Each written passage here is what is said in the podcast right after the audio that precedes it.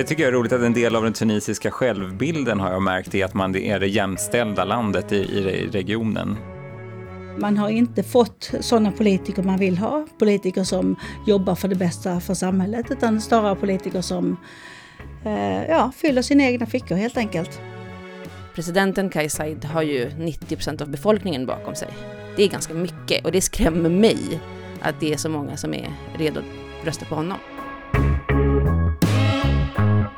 Välkommen till Frihet från förtryck, en podd om demokratiaktivism. Händelser i Tunisien fick fart på den arabiska våren. Det är mer än tio år sedan nu och många förhoppningar har malts i sand. Men Tunisien har ändå steg för steg och val för val lyckats upprätthålla sin demokrati. Efter händelser i somras ser läget osäkert ut. Nu ska vi ta reda på vad som har hänt, vad som bör hända och om vi i Sverige på något sätt kan bidra till framsteg istället för bakslag. För att hjälpa oss att tänka rätt har jag med två gäster. Jasmin Yassiri Stenberg som är Tunisienkännare och till vardags generalsekreterare för ungdomsorganisationen Vi Unga. Välkommen Jasmin. Eh, jag har också med mig eh, Åsa Nilsson Söderström som är en av Silks handläggare för regionen. Eh, jag som ska försöka hålla ordning på samtalet heter Martin Engeby och jag är chef för Silk. Eh, Jasmin, vi börjar med dig eh, för att de som lyssnar ska förstå. Vad har hänt i Tunisien under sommaren och hur dramatiskt är det egentligen? Ja, det som har hänt egentligen är att eh, 25 juli gick folk ut på gatorna och protesterade. Eh, och det är ju republikens dag i Tunisien då. Eh, och till följd av det så gjorde eh, presidenten en variant av en statskupp. För att man kan väl diskutera huruvida det är det eller inte. Och det är väl det som är eh, den stora diskussionen nu. Eh, är det en statskupp eller inte? Men det som har gjort är att han har ju eh, han har frysit ner parlamentet. Så att det finns inget parlament just nu som kan jobba. Eh, han har tagit bort eh, eh parlamentarisk immunitet. Så att de, alltså de, de, de domar som finns eh, kan verkställas. Eh, och sen så har han tagit bort ungefär hälften av regeringen, eh, bland annat regeringschefen. Så det finns ingen regeringschef i dagsläget i Tunisien, utan all de här makterna ligger nu hos presidenten. Men de, de lärda tvistar om det här är konstitutionellt eller inte. Det är inte så att han säger att eh, jag struntar i konstitutionen och nu ska jag bestämma. Precis. Ja. Eh, han är ju professor i konstitutionell rätt ja. i Tunisien. Och ja. det finns två skolor där nere. Eh, han tillhör en skola och så finns det en annan skola som är de som hörs just nu som säger att det, det här är en statskupp. För att man måste titta på konstitutionen som en helhet. Medan han kan tycka att man kan titta på vissa artiklar eh, eh, själv, självmant. Och det var det han gjorde med då artikel 80 som tillåter det här. Just det. Men jag har fått för mig att det här med demonstrationer är lite av en, en folksport i Tunisien. Var det något liksom speciellt med demonstrationerna just i somras? Var de extra stora eller extra arga? De var väldigt stora. Det var väldigt mycket folk på gatorna. Eh, det var planerat. Det var ett väldigt välplanerat demonstration. Eh, och det var överallt i mindre städer, i storstäder, överallt. Och det har ju funnits också demonstrationer innan i mindre städer. Så det här är ju liksom, kommer ju inte från ingenstans, utan det här har ju grått ganska länge. Och du säger välplanerat, vem är det som har planerat då? Vem är det liksom som, som driver det här liksom protesterna? Eh, bland annat så vet jag att det fanns en eh, stor Facebook-event och Facebook-grupp på ungefär en halv miljon personer. Och det här var, en halv, de nådde en halv miljon personer på kanske två dagar. Eh, där det var väldigt tydligt att man ville vara ute på gatorna, och man ville demonstrera och man ville få bort bland annat regeringschefen. Ja, just det. Så. Som är ju den minst omtyckta politikern i Tunisien som jag har förstått det. Exakt. Ja. Ja. ja, Åsa, du har ju jobbat med Tunisien ett par år. Ehm, hur har den här demokratin som ändå har kämpat, hur har den framstått för dig som också jobbar med andra länder? Ja, alltså man lyfter ju ofta Tunisien som det enda goda demokratiska exemplet efter arabiska våren. Men det har ju aldrig varit en välfungerande demokrati. Man har haft val, man har bytt regering, man har partier. Eh, och lite som, men det är man har inte till exempel lyckats ha en fristående, eh, fristående domstolar. Korruptionen har ju på många sätt blivit värre än vad den var under diktaturen. Man brukar säga att då var det bara en familj som skulle ha pengar, nu ska alla ha pengar så att det blev väldigt mycket korruption. Um, uh, några av mina vänner i Tunisien brukar beskriva det som att uh, vi, vi körde i 180 liksom mot demokratin. Sen kom vi fram till en rondell och där kör vi nu runt och runt och runt och runt och funderar på vilken väg ska vi ta. Eh, och där har man inte riktigt kommit fram utan man har fastnat i korruption. Eh, man har inte fått sådana politiker man vill ha. Politiker som jobbar för det bästa för samhället utan snarare politiker som eh, ja, fyller sina egna fickor helt enkelt. Och man kan väl också säga att islamistpartiet Ennahda har ju haft en ganska stor makt. De har varit det största partiet hela tiden. Och det det skapar ju en, en rädsla hos många som har, ser mer sekulärt på, på livet. Mm. Det som också slagit mig i kontakterna med, med Tunisien, det är att, att ja, man har haft då de demokratiska institutionerna och man har haft yttrandefrihet och sådär. Det visar ju alla, alla rankings och sådär. Men man har ju dels haft otur då med, med internationella konjunktur, konjunkturer. Man var ju en del av eh, ja, efterdyningarna av, av eh, finanskrisen. Eh, sen så hade man några eh, fruktansvärda terrorist attentat som satte stopp för turismen eh, och nu har man covid-pandemi och så vidare. Så att det är väldigt svårt att få utveckling, liksom. det är svårt att få till liksom, de reformerna. Så att där har folk varit besvikna eh, och Jag tror tiden. just att covid-pandemin nu har verkligen gjort att människor har fått nog. Det är, det är för tungt att leva helt enkelt. Man, de, man har inte fått de sociala och ekonomiska reformer man behövde. Eh, man har inte, inte blivit av med korruptionen utan den har blivit värre. Och nu så står hälsosystemet helt och faller. Mm. Sen tror jag också att det som tände väldigt mycket eld var att mitt under det här med covid-restriktionerna så, så fanns det en regeringschef som åkte och semestrade i en av Tunis, eh, Tunisiens eh, turistorter, Hammamet, och, och tog liksom presskonferenser därifrån. Väldigt många bilder som kom därifrån. Det, det, det upprör känslor. Varför ska vi inte få göra det när han får göra det? Eh, och sen också att Islamistpartiet gick ut och begärde ersättningar eh, som de redan hade fått. Eh, och de vill ha mer ersättningar för alla åren som de har blivit torterade under diktaturen och hela den biten. Så det är också tänt eld ja. på Och det saker. där är också en, en, något man kan ta upp kanske att eh, i Tunisien så misslyckades man ju med att göra upp med den gamla diktaturen. Om ett sånt här exempel man brukar ta från om man ska skapa demokrati är att man måste ha en sanningskommission eller liksom komma överens om vilka som får amnesti eller hur man ska straffa de som begått brott uh, under förra regimen. Och det gjorde man aldrig i Tunisien och det gör ju vägen framåt mycket svårare. Ja, det gjorde man aldrig i Spanien heller. Eh, men, där, men de har lyckats. Ja, och, ja, det har man ändå. Eh, men man brottas med de här spökena ja. fortfarande såklart, men det kanske man gör oavsett. Eh, Jasmin, och du, prat, du pratar om, när vi frågar om organiseringen, att det här var Facebookgrupper. Alltså, ofta så tror man att när det är en politisk kamp så är det en kamp mellan eliter. Är det här en kamp mellan olika eliter eller är det en folklig resning som vi har sett i somras? Jag skulle faktiskt säga att det är en folklig, folklig resning den här gången. Och inte så mycket eliterna. För att många av eliterna tycker likadant. De tycker att det här är en statskupp och det här ska inte få göras. Det här ska inte ske. Eh, det är okonstitutionellt alla de här orden. Och de har ju fått prata ganska mycket i media om hur mycket de inte tycker att det här är bra. Eh, Medan senaste mätningarna som jag fick idag av en kompis var bland annat att eh, presidenten Kais Saied har ju 90% av befolkningen bakom sig. Om det skulle vara val idag så är det 90% som skulle gå och rösta på honom. Det är ganska mycket och det skrämmer mig att det är så många som är redo rösta på honom. Ja, men folk är väldigt ombytliga också för att eh, de politiska ledarna byts ut. Och det är en populär och sen så är man två år senare så är han helt impopulär och sen så är det någon annan som är månadens smak så att säga. Men det är väl lite som det franska systemet också att man hänger så mycket på portalfigurerna och man inte har den typen av partier som vi har. Eh, som är, vårt system är ju väldigt väl anpassat för en parlamentarism där partierna tar en stor, ett stort ansvar. Mm. Men eh, i Frankrike och andra mer presidentiella system så, så är det ju eh, personen i täten som, som leder och som man röstar på. Man har inte de här ideologiska partierna som vi har. Nej. Precis. Nej.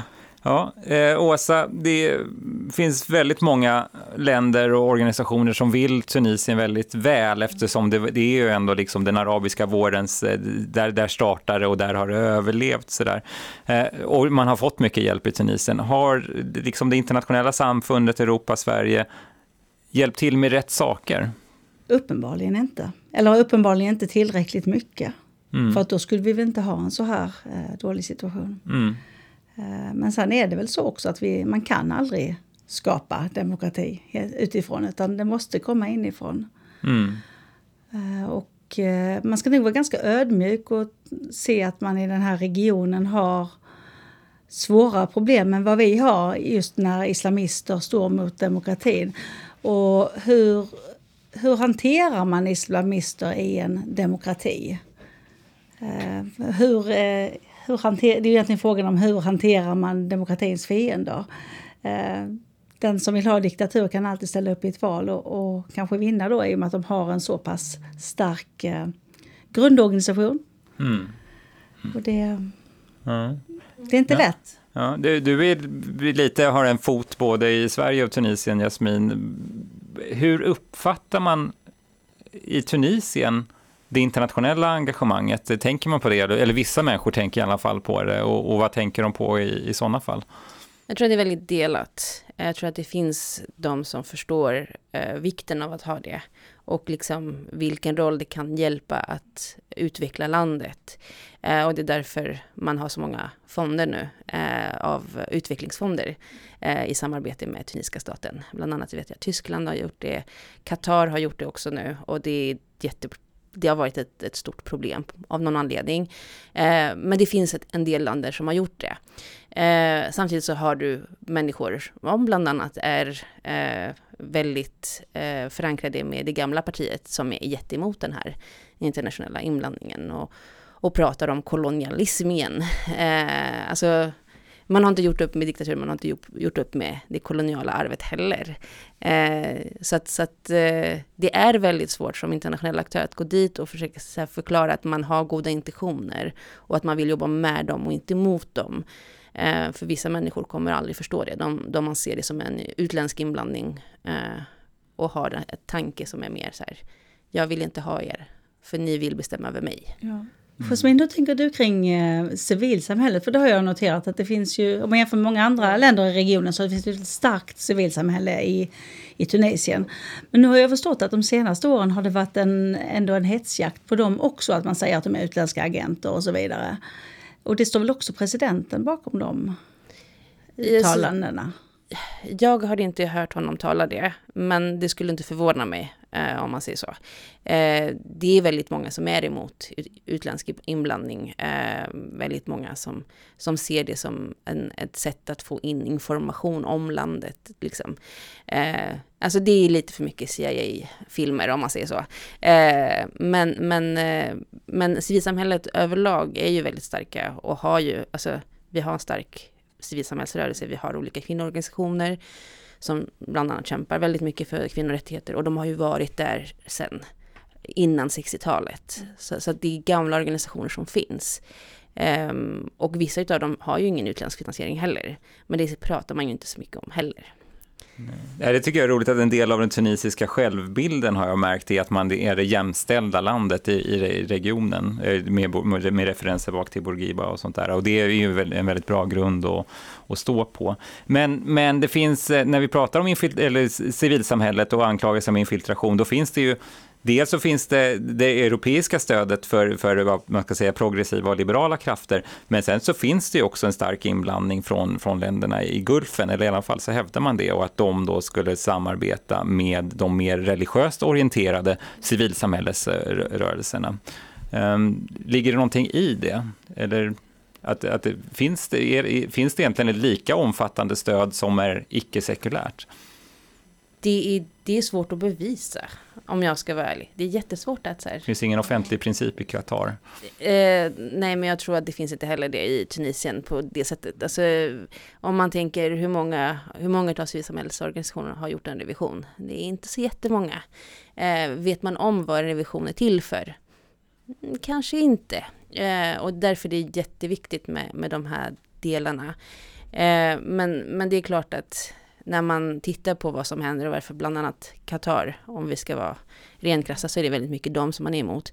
Eh, och, det är, och det är därför, folk tror att det är därför Al Jazeeras eh, eh, kontor i Tunisien blev stormad. Mm. Men det handlar ju ganska mycket om att det fanns också en diskussion och där var ju den här journalisten från Al Jazeera väldigt tydlig med att de hade tänkt att göra en Eh, en livesändning på eh, en regeringssammanträde med då regeringschefen Mishishi som eh, leder det här mötet och säger att eh, jag erkänner inte den här, eh, det här eh, eh ställningstagandet av presidenten utan vi fortsätter som det är. Ja. Eh, men, det, men jag tänker, när man pratar om stöd, då ska man inte bara prata stöd till civilsamhället, utan det handlar också om ekonomiska investeringar. Mm. Och då kommer det ju jättestora pengar från också Saudi och eh, Arabemiraten. Men, men kopplingen mellan Al Jazeera och eh, Enada är, och som i sin tur är kopplade till det muslimska brödraskapet är ju välkänd i hela regionen. Ja. Och det finns ju ett, eh, ett behov av att bekämpa islamismen. Vi hade ju Eh, när Islamiska staten var som starkast så var ju Tunisien det land som skickade flest krigare. Eh, så det, det, är ett stort problem som man behöver ta tag i. Mm. Ja. Men det, alltså Enada, det är då det här eh, det så kallat moderata islamistiska partiet och de har ju verkligen ansträngt sig för att ta avstånd från, från liksom någon slags hård tillämpning av islam, utan de försöker verkligen framstå, sig, framställa sig som moderna. De, de vann ju det första valet till den, till den nationella församlingen när det blev demokrati och sen ville man inte släppa eh, makten ifrån sig egentligen, men man blev tvingad också på grund av att folket reste sig upp och så vidare. Eh, men Jasmin, vad är din bedömning? Är det här eh, ungefär som Kristdemokraterna i Tyskland eller är det någonting annat? Nej, det är det inte. Det här är, är, är personer som är lite mer extrema. Alltså en, en kristdemokrat går ju fortfarande att diskutera med och komma fram till, man har olika åsikter. Här är det väldigt svårt. Eh, det är jätteintressant. Eh, sociala medier är jättestora i Tunisien och bland annat Clubhouse har ju gjort, alltså har expanderat. Mm. Så ibland så sitter jag på Clubhouse och lyssnar. eh, och, och, bland annat så fanns det en, en, diskussion med en ganska stark företrädare från Ennahda-partiet då. Eh, och hon kunde inte ta till sig den här diskussionen om att man tyckte inte det var okej att en, kvinnoparlamentari en kvinnlig parlamentariker blev slagen framför henne. Ut, och hon inte gjorde någonting. Utan för henne bara, nej men den är från gamla regimet, så det, där, det är klart att uh, hon, hon förstör för oss. Så mm. det finns liksom, det finns inga tankar kring att det kan vara så att folk har en annan åsikt än vad de har. Utan deras åsikt är lag. Eh, och det är min uppfattning nästan att det är Guds ord. Mm. Eh, och det är jättefarligt. De pratar ju inte heller som de flesta liksom gemene mannen i, i landet. De har ett annat sätt att prata. Mm. De har ett annat sätt att uttrycka sig. Många i landet pratar väldigt mycket, alltså har många franska ord, italienska ord. De använder inte dem. De har liksom bara, de försöker alltid fylla på med arabiskan. Så att, så att det är också så här, de är inte egentligen så förankrade och så mycket som det vanliga folket i Tunisien, mm. om man ska vara ren krass. Men de har ändå lyckats vara största parti, men de har ja. ju aldrig haft 50 procent, utan, utan sen så är, är de sekulära uppdelade på många eh, olika eh, rörelser. Um, Åsa, du jobbar ju i hela regionen och det är väl ganska vanligt egentligen att det finns konservativa partier som är sekulära och sen så finns det då islamistiska partier som, som, är, som, kanske, som är rätt konservativa också men som kanske försöker framstå som lite moderna. Men varför lyckas inte socialdemokrater och liberaler liksom och, och nå ut eh, i, i politiken, både i Tunisien och egentligen och i andra, i andra länder? Jag tror att många av de eh, sekulära partierna och ideologiskt inriktade partierna är, är för svaga liksom i de stora folkmassorna. Och det har ju dels med att göra att det är ett eh, samhälle som är där utbildningsnivån är väldigt låg. Eh, och att politikerna kommer från en elit helt enkelt. Så man har inte den förankring man behöver ha, men den förankringen finns i moskéerna och i de religiösa kanalerna. Mm. Definitivt. Och sen tror jag också att många av de politikerna, bland annat i Tunisien, har inte så jättebra koll på vad ideologi betyder. Mm. Eh, vissa av dem har stenkoll. Eh, och vissa har inte alls det. Och eh, ibland så säger man, nej men jag är demokrat eller progressiv. Jo men det är ju inte en ideologi. Jo det är visst, nej det är inte en ideologi.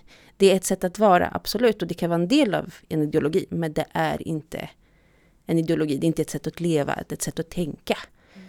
Så, eh. Och om man, de kontakter vi har i Egypten, där, de ser ju de ser ju vissa likheter mellan utvecklingen i Tunisien och det som hände i Egypten 2013. Då gick också folket ut på gatorna och då blev det också en kupp.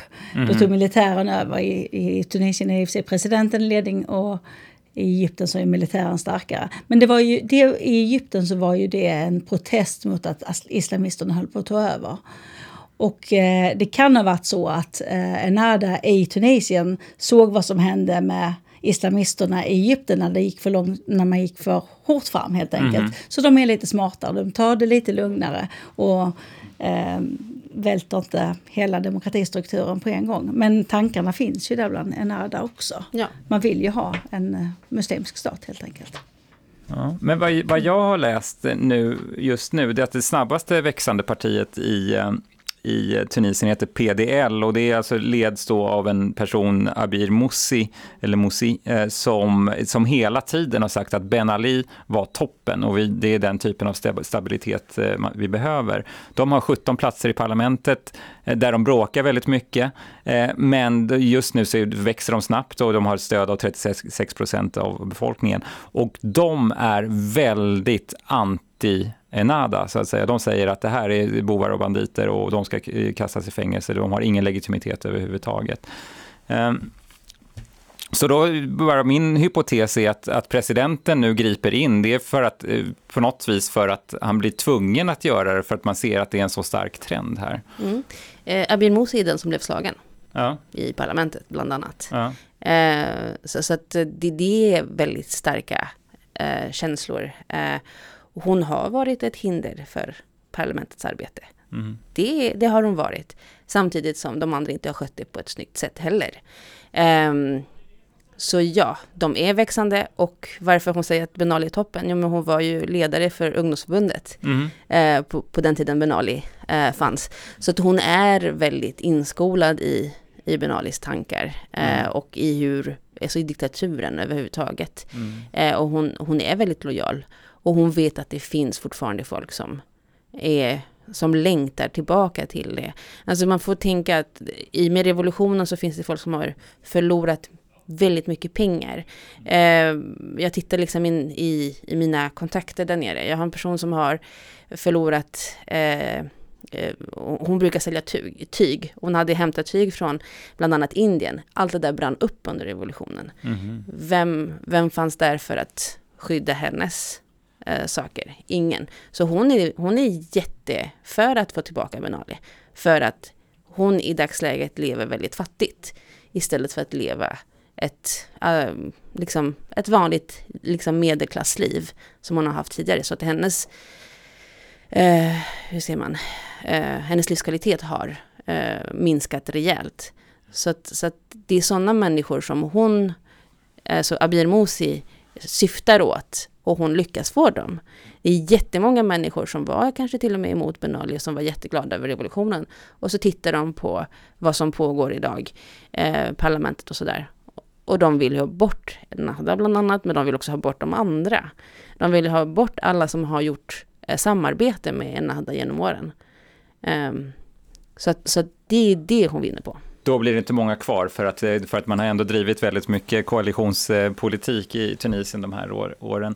Men, men det som ja, på något vis, en, en av bottnarna i det här är ju att man då misslyckats leverera välstånd till folk efter revolutionen. Där man har liksom inte kommit loss med, med reformerna. Och då, man, och då finns det de sociala rörelserna och sådär. Jag vet ju att de ekonomiska reformerna har varit väldigt svåra att få till, bland annat då för att Statsanställdas förbund inte vill att man ska reformera staten. Jag menar, den tunisiska staten driver golfbanor och det, det kanske inte är en kärnuppgift för, för en stat så att säga.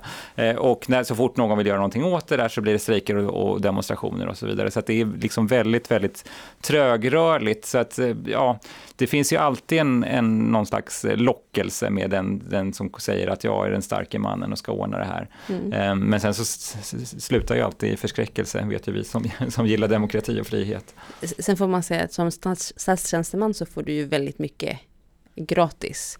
Eh, och det är därför det är jättemånga som vill jobba som statstjänstemän i Tunisien. Mm. Det är väldigt få som inte vill göra det. Mm. Eh, för att du får en trygghet, du får eh, bland annat eh, du vet att du kommer få en hög pension. Min, min farmor jobbade som statstjänsteman och min faster gör det. Mm. Så det är därför jag vet om det. Det finns eh, bättre lånvillkor för att köpa hus. Det finns till och med lägenheter som byggs bara för att statstjänsteman ska kunna köpa dem. Det finns så mycket som du får. Eh, så det är därför man inte vill reformera det heller. Nej. Nej, här i Sverige får man en guldklocka i alla fall. Men man säger ju att... att efter 40 år. efter 40 år. Statens eh, kaka är liten men säker, säger man i alla fall i, i Sverige. Eh, apropå den svenska staten då, Åsa, vad bör Sverige fokusera på nu? Pass. Nej, alltså Sverige har väl gjort liksom rätt. Man har ju arbetat tillsammans med något, man har verkligen sagt att vi bejakar det här, vi ska vara så starkt stöd vi, som vi någonsin kan vara. Man har jobbat mycket med decentraliseringsprocessen som har hänt i, i Tunisien. Man hade ju för något år sedan eh, lokalval som ändå var väldigt framgångsrika, väldigt pluralistiska. Ehm, alla kommuner i, i Tunisien styrs, styrs av olika majoriteter, så att det, ja, det finns ju så mycket som, som ändå är konsensuspolitik och jag tror också att den här självbilden av att man är ett föredöme måste ja. på något sätt vara positiv, både på jämställdhetsområdet och på att man är stolta över att man är det, det, det mest demokratiska eh, arablandet. Mm. Ja, definitivt. Eh, men jag tror ändå att jämställdhet behöver fortsätta jobbas med. Eh, ja, det är absolut. jämställt i, i, i lagarna väldigt mycket. Men om man tittar liksom hur det är situationen för kvinnor i Tunisien idag, det har ju försämrats otroligt mycket. Eh, vi har kvinnor som blir slagna till döds, som blir torterade eh, för att de vill lämna ett äktenskap som är dåligt eller eh, ett förhållande eller som inte vill ha någon kontakt med en viss person. Då blir det ju liksom våldet har ökat mot kvinnor jättemycket de senaste åren. Det har gjort det alltså? Mm. Eller för man kan också tänka sig att när det finns yttrandefrihet så diskuterar man frågorna mer? Nej, det, det har faktiskt gjort det. Jag, jag har ju följt i många år just den, den situationen och det, det, har aldrig varit så hårt som det är idag. Eh, med bland annat senaste eh, sex månader, tre kvinnor som dör. Mm. På grund av våld i hemmet. Mm. Det är ju. Ganska mycket. Ja. Tror du att det har med pandemin att göra och den dåliga ekonomiska, ekonomiska situationen eller är det något annat som ligger bakom? Jag tänker att det är också en, en generell kvinnosyn som kommer från starka konservativa personer. Eh, som sagt, en, kvinn, en, en kvinnlig ledamot blir slagen i parlamentet och ingen reagerar. Eh, framför eh, jämställdhetsministern. Det är ganska, det är ganska extremt. Exakt, och jämställdhetsministern vänder, vänder ansiktet. Det, det är ganska hårt. Eh, det, det, är signalfel.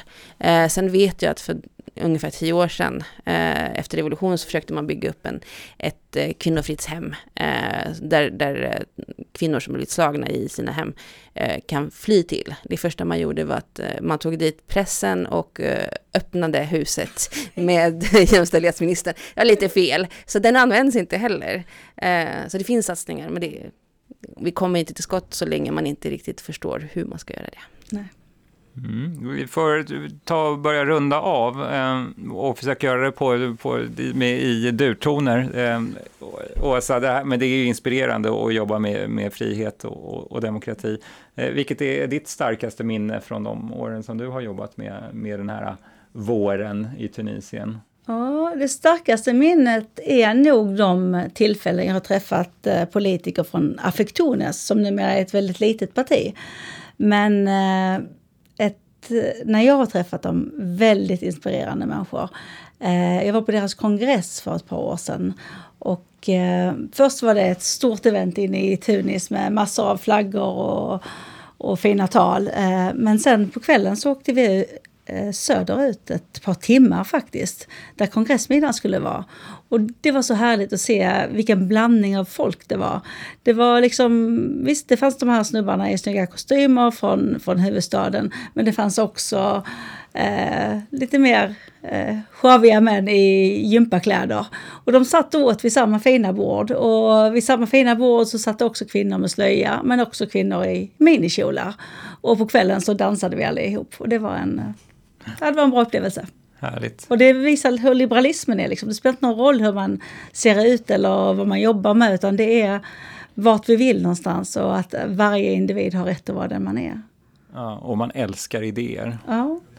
Ja, eh, Jasmin, vad har varit liksom de, vad, vad, kommer du ihåg från de här tio åren med, med glädje?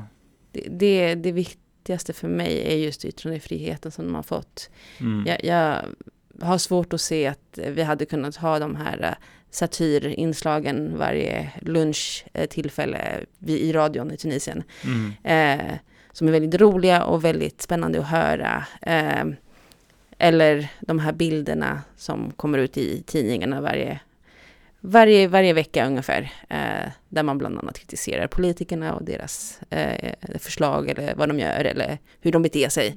Det hade aldrig varit möjligt när jag bodde där nere eh, och när jag växte upp där man pratade om väggar som har öron. Mm. Så, att, eh, så det, det, är den stora framstegen som jag hoppas eh, är kvar. Härligt.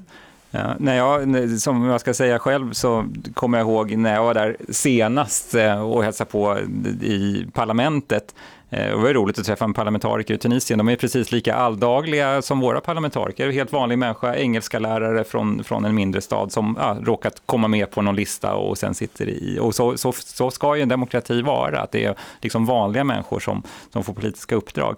Eh, men utanför så stod det just ett ungdomsgäng eh, och protesterade och gapade om att ungdomsministern hade sagt någonting som de fann förolämpade och de, vi vill ha våran värdighet. Och, och jag tyckte det var bara härligt att se att man har demonstrationer som fritidsintresse, eller politik, ska man säga.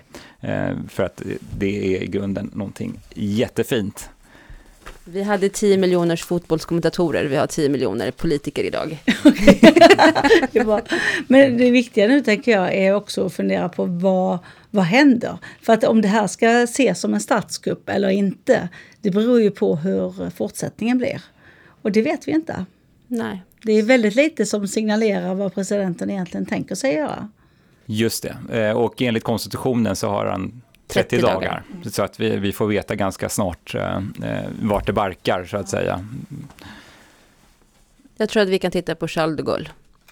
Han har hintat att det är det han tittar på. Ja, det känns som att han vill ha mer makt själv i alla fall. Ja, vi, får, vi får väl se vad, men, men det är det han har hintat till, mm. att han, är, han vill vara Tunisiens Charles de Gaulle. Okej. Okay. Mm. Vad bra att han inte sa Sissi som Egypten. för att han var ju där för ett par veckor sedan och det jag var lite rädd att han låtit sig inspireras. Ja, kära vän, du har lyssnat på Frihet från förtryck, en podd om demokratiaktivism och biståndspolitik. Vi är SILK, Svenskt internationellt liberalt centrum och vi arbetar med demokratibistånd, fria val och utvecklingsdebatt.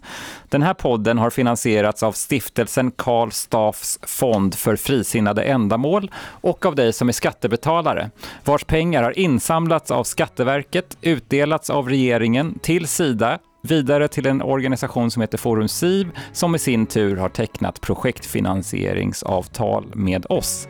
Klippning Gustav Edman. Följ oss på Facebook, hitta fler avsnitt på silk.se podd och kom ihåg, utan demokrater blir det ingen demokrati.